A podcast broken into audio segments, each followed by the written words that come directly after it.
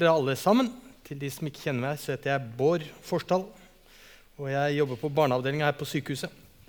Og det er faktisk den eneste jobben jeg noen gang har hatt her i livet, bortsett fra noen sommerjobber som vasker og maler og sånn. Så det er det eneste jeg kan. Um, det var uh, Før vi starta i dag, så ble det sagt at i dag har du dårlige odds med, med solskinn ute så er det dårlige odds om at eh, det kommer noen i det hele tatt. Men jeg syns oppmøtet er slett ikke dårlig til, den solmengden her nå. Um, men jeg er også en del av forkynnerteamet her på Frimisjonen. Og nå er Ellen Merete, pastoren vår, dratt på tur med konfirmantene. Så da er det vår tur til å bidra. Jeg vet ikke hvordan det er med dere, men jeg føler at jeg er blitt litt kjedeligere med årene. I går så var det 1. april. Og da jeg var liten, så var det første jeg kunne tenke på når jeg sto opp 1. april, det var å få lurt noen. Det var jo selvsagt noen i familien som ble utsatt for det. Og det, det var jo relativt usannsynlige ting som ble presentert da. Det var... Eh, men altså, hvorfor kjedelig? Jo, for i går så hadde jeg helt glemt at det var 1. april. Det er så helt ute av, ute av huet mitt. Så, eh, så da jeg satt opp med forberedte talen. Og tenkte jeg, jeg har jo ikke funnet på noe som helst. Da sendte jeg en SMS til Merete, kona mi. Og jeg skrev at eh, hun hadde glemt å informere meg om at hun hadde kjøpt et bord på Finn. Og nå sto det en bil her med to menn som hadde båret av et bord, og de ville ha betaling. Eh, det var den tekstmeldingen jeg sendte henne. Jeg, og jeg skrev jo da at jeg har jo selvsagt betalt dem allerede. Jeg må jo høre til historien at Merete er litt gnien på sånn 4G. så hun driver ikke og... Jeg måtte jo ringe henne og fortelle at hun måtte lese melding. Ja. Men jeg fikk i hvert fall litt respons. Hun ble meget oppskjørtet. Hun ringte tilbake og ville ha bilder av dette bordet. for hun kunne jo ikke huske å bestille Jeg måtte jo da ljuge som det jeg kunne om at telefonen fuska. Det var ikke mulig. Og da han endelig kom hjem fra fandleturen, så var jeg egentlig veldig fornøyd med meg selv og hvor godt jeg hadde lurt henne. Helt til det slo tilbake på meg sjøl. For han hadde blitt så ute av seg at hun hadde ikke orka å kjøpe middag. Ja, altså, ikke... Sånn kan man ha det. Dette uh, Ja. Uh, vi er midt inne i en serie som heter Disippelliv. Og det er kanskje et litt vanskelig ord å få helt tak i. Hva betyr disippelliv? Og Du kan jo da få lov til å kontre med å si at hvis jeg ikke vet det, så kan jeg like gjerne sette meg, så kan vi få opp en annen taler som vet hva han snakker om. Men jeg skal prøve å si noe om det. Jeg tenker at disippelliv må kunne oversettes med 'Hvordan lever jeg som elev av Jesus?' Hvordan lever jeg, og hvordan lever vi livene våre med Jesus? Dette spørsmålet det har jeg lurt på i mange år, og det har kommet Eh, jevnt og trutt tilbake i litt ulik form. Hva er det Jesus har innbudt oss til, og hvordan skal dette livet leves? Eh, og Gjennom livet så har det spørsmålet fått litt forskjellige svar, fordi at livsfasene har vært litt forskjellige. Men eh, for noen uker siden så slo det ned meg at livet med Jesus det er jo det livet som leves her akkurat nå. Akkurat her og akkurat nå. Jeg har jo tenkt at det der livet med Jesus burde hatt en eller annen formel. Og jeg måtte prøve å finne ut hva den formelen var. Så slo det altså ned i meg at det er nå. Det er dette øyeblikket her som gjelder. Det livet jeg lever nå, det er det samme livet jeg lever som en disippel av Jesus. Fordi at Jesus vil være sammen med meg der jeg er. Og det har han sagt sjøl også. Han sa det helt til slutt i Matteus. Gå derfor, gjør alle folkeslag til disipler, døp dem til Faderen, Sønnen og Den hellige ånds navn, og lær dem å holde alt det jeg har befalt dere. Og se, jeg er med dere alle dager inntil verdens ende. Og med det i minne så kan vi møte livet. Påsken den starter i dag, og det passer veldig bra når vi skal illustrere hvordan livet veksler mellom gleder og sorger. Det er noe av det påsken også, som i hvert fall på ytre vis, har, har en fortelling om. Vi skal lese sammen fra Johannes kapittel 12, vers 12-19. Dagen etter fikk folkemengden som var kommet til festen, høre at Jesus var på vei inn i Jerusalem. Da tok de palmegrener og gikk ut for å møte ham, og de ropte:" Hosianna, velsignet er Han som kommer i Herrens navn, Israels konge. Jesus fant et esel og satte seg opp på det, slik det står skrevet. Vær ikke redd, datter Sion, se din konge kommer ridende på en eselfole. Dette skjønte ikke disiplene med det samme, men da Jesus var blitt herliggjort, husket de at dette sto skrevet om han, og at folket hadde hilst han slik. Alle de som hadde vært til stede da han kalte Lasarus ut av graven og vekte han opp fra de døde, vitnet om det. Det var også derfor folk dro ut for å møte ham, fordi de fikk høre at han hadde gjort dette tegnet. Vers 19 har jeg glemt å klippe inn, men der står det Fariseerne sa da til hverandre.: Der ser dere, ingenting nytter, all verden løper etter ham. Men på palmesøndag så blir Jesus tatt imot som en konge når han da kommer til Jerusalem. Han får en kongelig velkomst. I Jerusalem så ble den jødiske påsken feiret når de kommer. Og det er enormt mange mennesker samlet. Historikere har beregnet at det kunne være så mye som 500 000 mennesker som kunne være i Jerusalem under påskefeiringen deres. Og deres påskefeiring markerer utvandringen av Egypt. Så byen er tjokkfull av folk. Og de samles, og der feirer de Jesus som konge.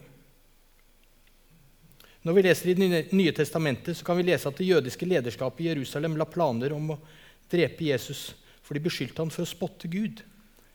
Og disiplene de var med redde. De var med rette redd for at noen skulle drepe Jesus. Og skulle de drepe Jesus, så, var, så anså de seg selv å være neste. Thomas, han som ble kalt tvillingen, sa da til de andre disiplene vi blir også med. Vi kan dø sammen med ham. Men på palmesøndag så er det på toppen. På palmesøndag så er det en fest. De kommer inn sammen med Jesus, og de tenker at Jesus har lyktes. Han blir sjef. Og når han blir sjef, så blir de nestsjefer. Lottokupongen deres er innløst. Alt lykkes for dem. Det er det palmesøndag slår ned i dem på. Og det får de lov til å tenke, og det får de lov til å tro i noen dager til. Men etter det så skjer det noe helt forferdelig. På palmesøndag ser det ut som om Jesus har vunnet alt. På langfredag så er hele bevegelsen Jesus startet, like død som det Jesus er død. Alt er mislykket. Alt er ødelagt. Men så skjer det noe tre dager seinere enn det. Og da da er verden forandret for alltid. Hva er det Jesus har innbudt oss til, da? Og hva og hvordan skal dette livet leves? For det første så kaller Jesus oss for venner. Han ber for oss alle sammen. Hos Johannes så står det Jeg kaller dere ikke lenger tjenere, for tjeneren vet ikke hva Herren hans gjør. Hva slags forhold skal jeg ha til min venn Jesus? Jesus kunne nemlig ha valgt et hvilket som helst ord for å beskrive forholdet sitt til oss. Og han valgte av en grunn å bruke ordet 'venner'.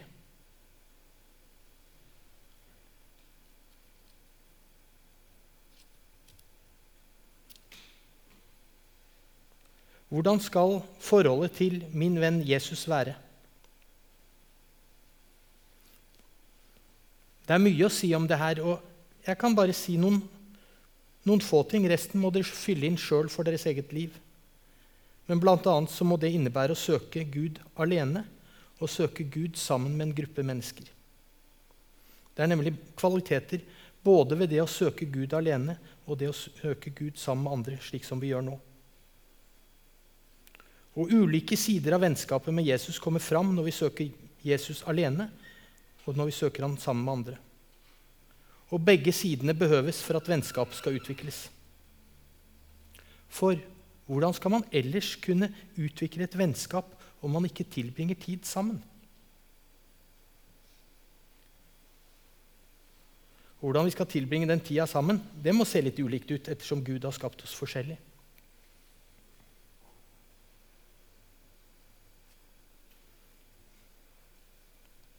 Og så forteller Bibelen oss om at vi skal lovprise Gud. Hos Jesaja 12 står det 'Lovpris Herren, påkall Hans navn'. Første krønikebok står det 'Pris Herren, påkall Hans navn', gjør gjerningen hans kjent blant folkene. Salme 105. Pris Herren, påkall Hans navn. Salme 96. Syng for Herren, velsign Hans navn. Salme 47. Syng for Gud, ja, syng og spill. Og Bibelen, Vi kunne fortsatt med mange utsagn av det her. Bibelen er full av disse påleggene. Dette er bare et lite utdrag. Hvorfor vil Gud at vi skal lovprise Han kontinuerlig? Det kan virke litt påtrengende. C.S. Lewis han skrev at før han ble en trone, så bekymret han seg over dette, at Gud påla oss å lovprise ham. Men så oppdaget han noe veldig menneskelig. Han sa at hver gang vi ser noe som er vakkert eller fantastisk eller beundringsverdig, så er, så er ikke opplevelsen vår av det vi ser eller opplever, helt fullkomment før vi får gitt uttrykk for det. Vi må gi uttrykk for det for at vi skal få en fullkommen opplevelse av det. Gleden strømmer ut av oss når vi opplever noe slikt. Hvis du er glad i noen, så vil du gjerne fortelle det til dem. Har du opplevd noe som gjør inntrykk, så vil du gjerne fortelle om det. Jeg kan bli ganske masete på kona mi, og det er spesielt eh, to ganger Nei, nei det er ljug. Det er, mange ganger jeg maser på henne.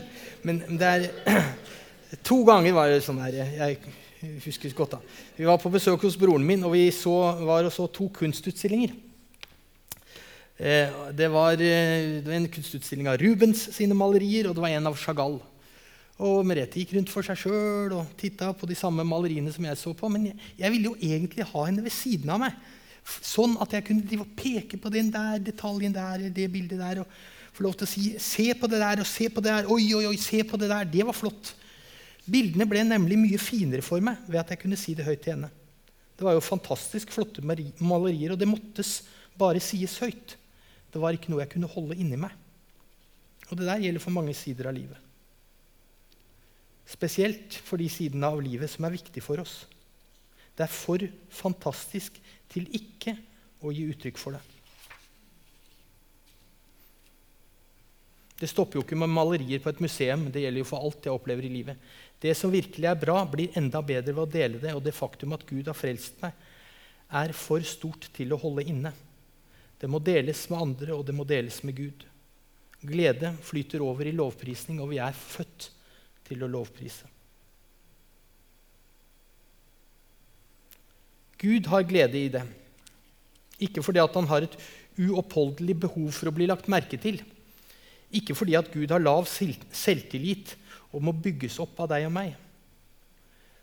I antikkens verden så involverte lovprisning vanligvis ofring. Og det var fordi at menneskene trodde at gudene hadde behov for mat.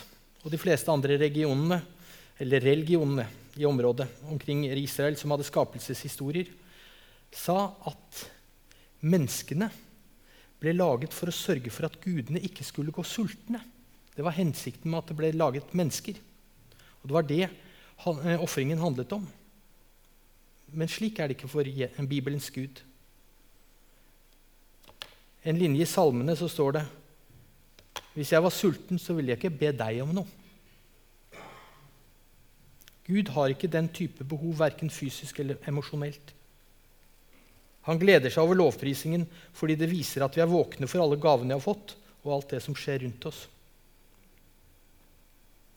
Hvor mye er det som skal til i hver av livene våre for at vi skal vise den takknemligheten for Gud? Der er vi nok ganske forskjellige. Sist søndag så spilte jeg en sang her på gudstjenesten. Og plutselig underveis så hørte jeg hoiing og roping når jeg sang. Jeg ble ganske overrasket. Det, det, er jeg ikke vant til. Men jeg gjenkjente stemmen til hun som hoia først. Jeg syntes det var hyggelig, så jeg takka henne for det etter gudstjenesten. Og da sa hun som så Norwegians don't start to shout. But they can follow if someone else starts. Det er sant. Så det ser litt forskjellig ut hvor vi kommer fra. Gå i fred, tjen Herren med glede. De ordene der sies ganske ofte i forbindelse med at gudstjenesten avsluttes. Når vi er i ferd med å avslutte og gå ut til en kopp kaffe eller en kakebit eller dra rett hjem. Sånn er det jo ikke bare på en frimisjon. Det skjer i kirker overalt. Gå i fred, tjen Herren med glede. Jeg trodde ofte at det betydde at nå, vi, nå, er det på tide å dra hjem. Nå skal jeg dra hjem og jobbe litt. Jobbe litt for Gud, trodde jeg det betydde. Men jeg leste en gang for lenge siden om det her, og det stammer helt tilbake til tiden mens jødene hadde sitt tempel i Jerusalem. Og da ble det sagt til de som kom til tempelet, altså de som kom, ikke til de som forlot, men sagt til de som kom for å lovprise Gud.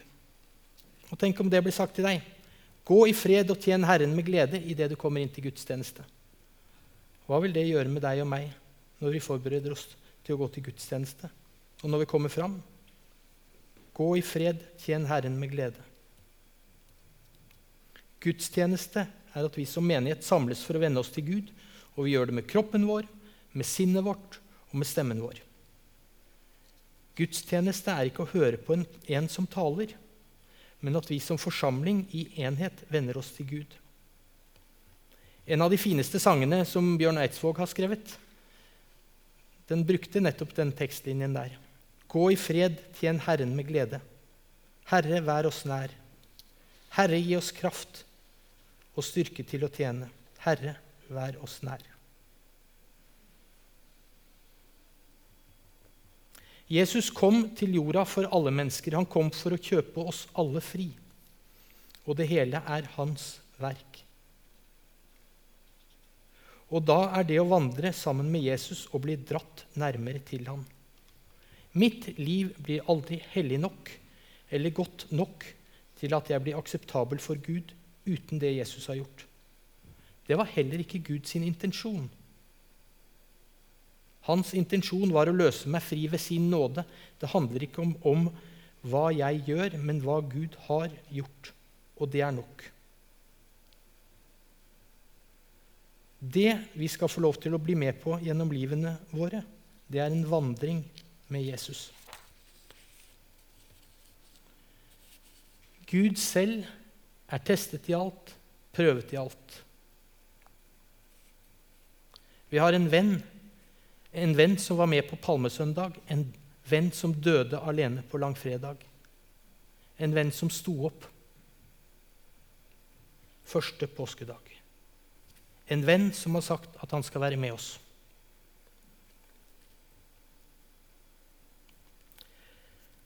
Han har ikke lovet å ta oss ut av det vonde, han har ikke lovet å ta bort det som er vanskelig, men han har lovet å være med. Dere skal få en veldig banalt eksempel på nettopp det der å ikke være alene. og være litt trygg. Eh, jeg husker en gang Anders, eldstesønnen min, han var vel en fire-fem år. Vi kom til Oslo en sein, mørk, kald høstkveld. Og var rundt, eh, kom med tog inn til sentralbanestasjonen. Og eh, gikk der oppover Karl Johan. Og den nederste delen av Karl Johan og sentralbanestasjonen syns jeg kan være litt sånn småskummel på kvelden. Men så la jeg merke til noe der. Jeg, jeg følte meg litt tryggere når jeg gikk sammen med han. Min blide og svært fornøyde sønn på fire eller fem år som satt i en rullestol som jeg skjøv på, det gjorde meg trygg.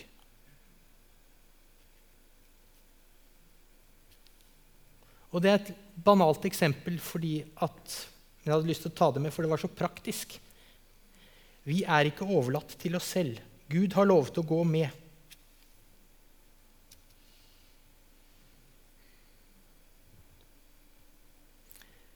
Vi må alle gripe det både når livet har medvind og motgang, for begge deler kommer i ulikt monn.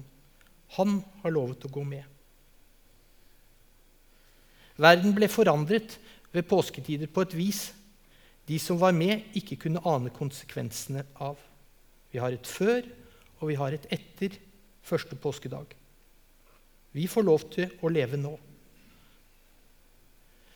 Av det som Jesus gjorde, og uansett hva som skjer med oss, så har vi fått Guds hånd å holde i på livsveien. Han er nok. Og om en uke så kan vi få samles og si han er sannelig oppstanden.